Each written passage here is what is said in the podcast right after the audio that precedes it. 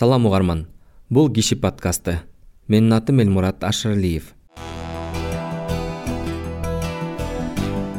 бул подкастта бир жылдан ашуун убакыттан бери кыргызстандагы диний көптүрдүүлүк ишеним эркиндиги туурасында сөз кылып келатабыз.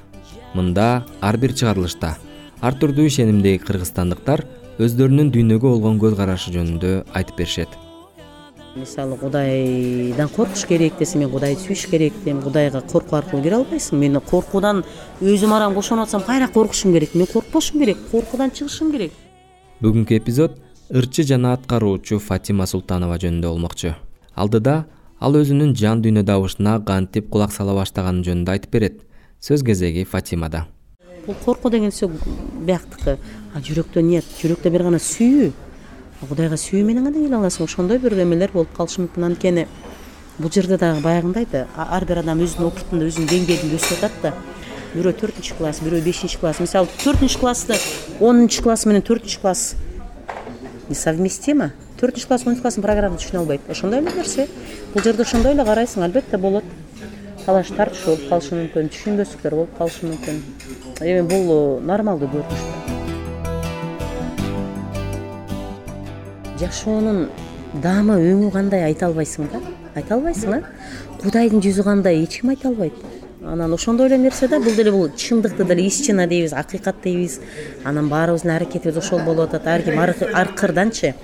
Ошондуктан эми мен бул кандай десем бул ишеним деп деле айтканга болбойт. Буну бир э, бул жөн гана баягы э, бул мындай бир чындыктын сөздөрү жүрөктүн добушы десек болот да мындай бир интуиция эч убакта адамды алдабайт дейт го. Ошон үчүн жүрөгүң уксаң эй жүрөгүң никогда алдабайт дейт го. Ошондуктан бул жүрөктөн чыккан эле мындай бир чындыктын сөздөрү да биз э, адамдар логический мындай бир акыл менен бир тараптуу эме болуп калгандыктан жүрөк менен байланыш жок. Ошон үчүн баардык нерсени түсүн даамын көрсөт мага дей бересиң да а бул адамга мындай бир көрүнбөгөн ички чувстволор бар да аны көрсөтө албайсың.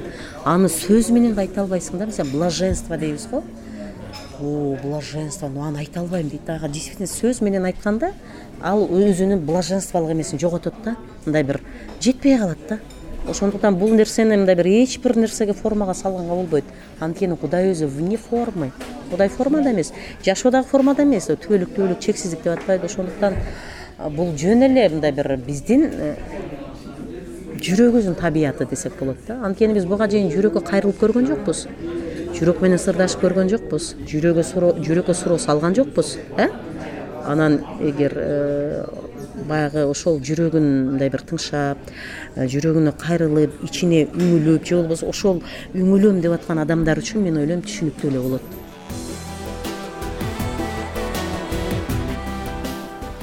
Ушул нерсени сиз качан сезе баштадыңыз да? Ушул нерсеге качан келе баштадыңыз? Эмне түрткү болду?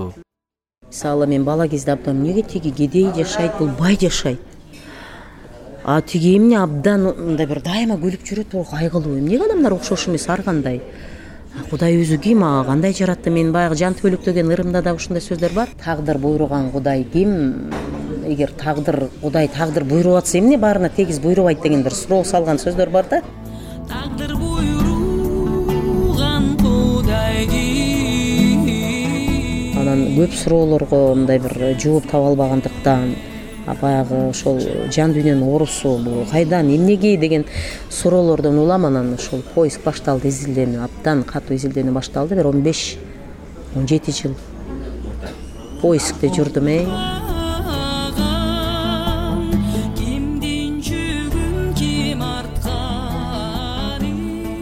изилдене баштадым анан жашоого көп нерселерге ынана албадым менде мындай карама каршылык көп эле. Жакшы жаман мындай бир туура эмес адамдарды кабыл ала албай эмнеге мындай эмнеге мындай болбойт деп менде мындай бир талап күчтүү эле да. Анан буюрса анын баардыгы туура эместигин түшүндүм. Анткени ар бир адам өзүнүн ордунда жакшыбы жаманбы туура баратат. Өзүнүн сабагынан өтүп атат тажрыйбасын практикасынан өтүп атат дегендейчи ар бир жан дененин ичинде. Кудайды кандай элестетесиз? Кудай ким бул жашоонун өзү кудай болуп атпайбы мына кара? Күн чыгып атат кара? Бунун баардыгы эле кудайдын кандай десем кудайдын деми да. Бул кудай жашоонун деми десе болот. Мисалы сен дем алып атасың вот кудайдын деми ошол. Э, күн чыгып атат бул баардыгы эле ошол баягы көзгө көрүнбөгөн күчтүн негизинде болуп атат да. Вот ошол кудай. Кудайды бир формада бир эмеде караганга мүмкүн эмес ал мындай бир чексиз жашоо чексиз дүйнө да кудай баардык жерде.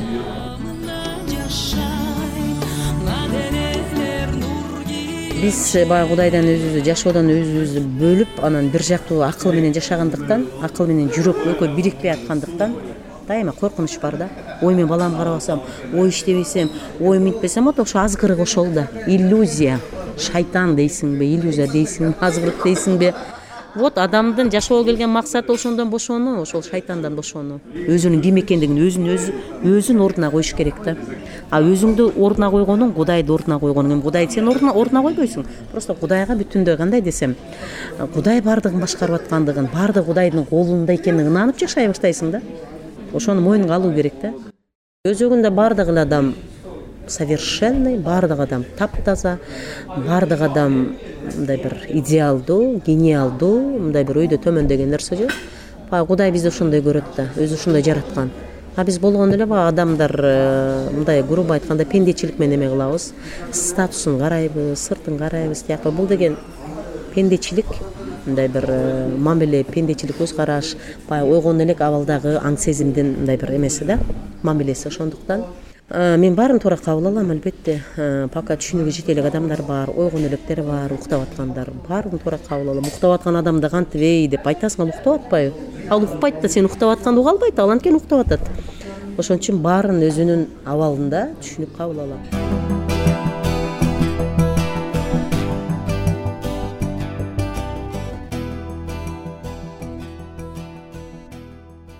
Аты жөнүм элмурат ашыралиев сиз киши подкастын угуп атасыз бул кыргызстандагы ишенимдер жөнүндө маалымат бөлүшүү аянтчасы.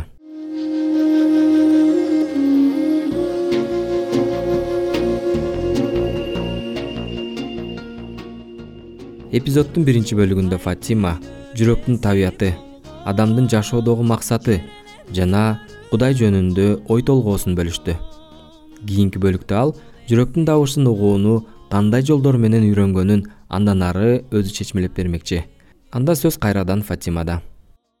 Анан мен деле буга чейин албетте китептерди окудум. Көп адамдардын эмелерине катыштым. Көбүнчө монул россиядан баягы эми просветленный деп коет. Адам өзү жарык да просветленный пробужденный уксаң керек пробуждение сознание пробуждение ушундай бир абдан россиядан абдан көп чыгып атат козу каждый второй. Украинадан абдан жаш жаш эмелер ошолордун эмелерин көп уктум. Жакшы интернет болуп калды. Абдан көп уктум анан ошол монол индиядан чыккан даанышман ойгонгон адамдардын эмесине ошол ошо деген бар. Кийинки убактарда садгур абдан эме болуп атат муджи абдан эме болуп атат э, саи баба деген чыккан радж абдан көп да мындай эмелер. Мен ошонун эмелерин абдан көп уктум интернеттен.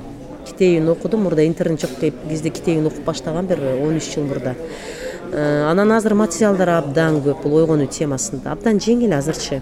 Мен ошол китептер аркылуу интернеттеги маалыматтар аркылуу ошентип ошентип өзүм жетелеп жетелеп жетелеп отуруп анан өзүмө өзүм подключение болдум да уландым. Анан эми дагы ойгонуунун бул эң жакшы эмеси азыр медитация деп абдан эме болуп атат ошо медитация менен алектенем. Медитация бул э, акылды тынчтандыруу акылды тынчтандырыш керек да адам өзүн акыл всегда шум ете берсе биягыңды уга албайсың да. Могу жерде аябай шум болсо экөөбүз бири бирибизди уга албайбыз да. Акыл дагы ошондой болот да шумный болуп биздин табиятыбызды угузбай атат да. Анткени акыл ошондой тентек болот да. Акылды дагы мындай тизгиндеш керек. А тизгиндеш үчүн медитацияга отуруш керек адам. Медитация деген просто эле тынчтануу тынчтыкка келүү. Тынчтангандан ичиңди көрө баштайсың да ичиңди уга баштайсың. Ойлорго гана тыюу салышы мүмкүн такыр ой болбош керек. Ой болсо дагы ал мени башкарып кетпеш керек. Мен ойдун үстүнөн болушум керек да ой менин үстүмө чыкпаш керек. Ошол нерсе. Эми бул баягы наблюдение деп коет байкоо. Осознанный жашоо. Осознанность да. Сен дайым баягы трезвый абалда болушуң керек да. Өзүңдүн абалыңда болушуң керек. Биз көбүнчө баягы э, акылдын абалынан кирип кетип атпайбыз. Ой алып кетет анан салыштыруу анан коркуу анан башка. Мен ошол учурда менин негизги элемем ошол баягы всегда осознанно и баягы байкоочу абалда.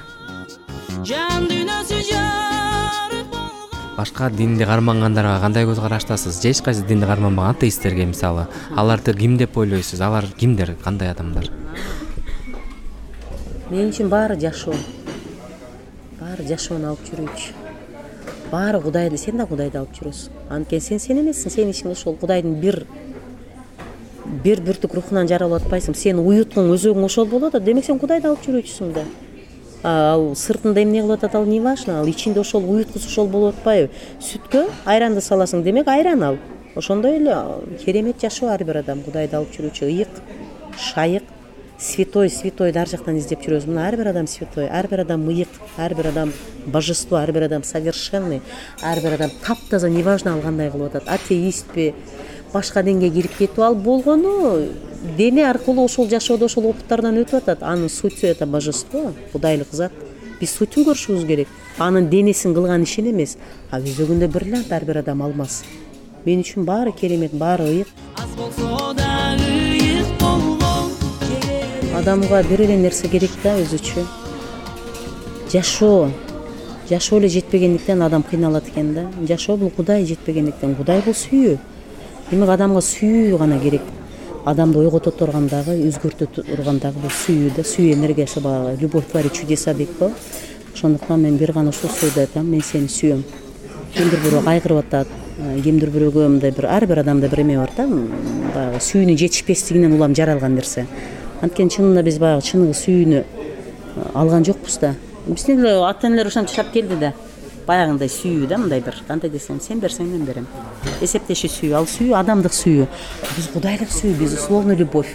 Ал эсептешпейт да ошол ар бир адам ошол э, сүйүүнүн ээси ар бир адамда ошол сүйүү ачылса керемет. Менин ошол эле кеңешим эмес эми каалоом ошол эле. Ар бир адамн анткени адам ошондо гана жашай баштайт ошондо тириле баштайт ошондо гана жашоону сүйө баштайт да. Баягы сүйүү болсо демек адам баардык нерсени сүйө алат. Ошондуктан мен ошол нерсени гана айтар элем баягы мен сени сүйөм деп сүйүү аркылуу гана баардыгын адамга жеткирсең болот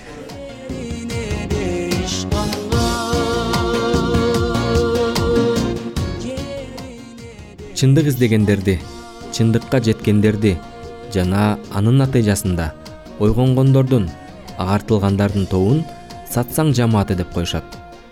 Сатсаң деген сөз санскрит тилинде чындык издегендердин тобу жамааты дегенди туюнтат.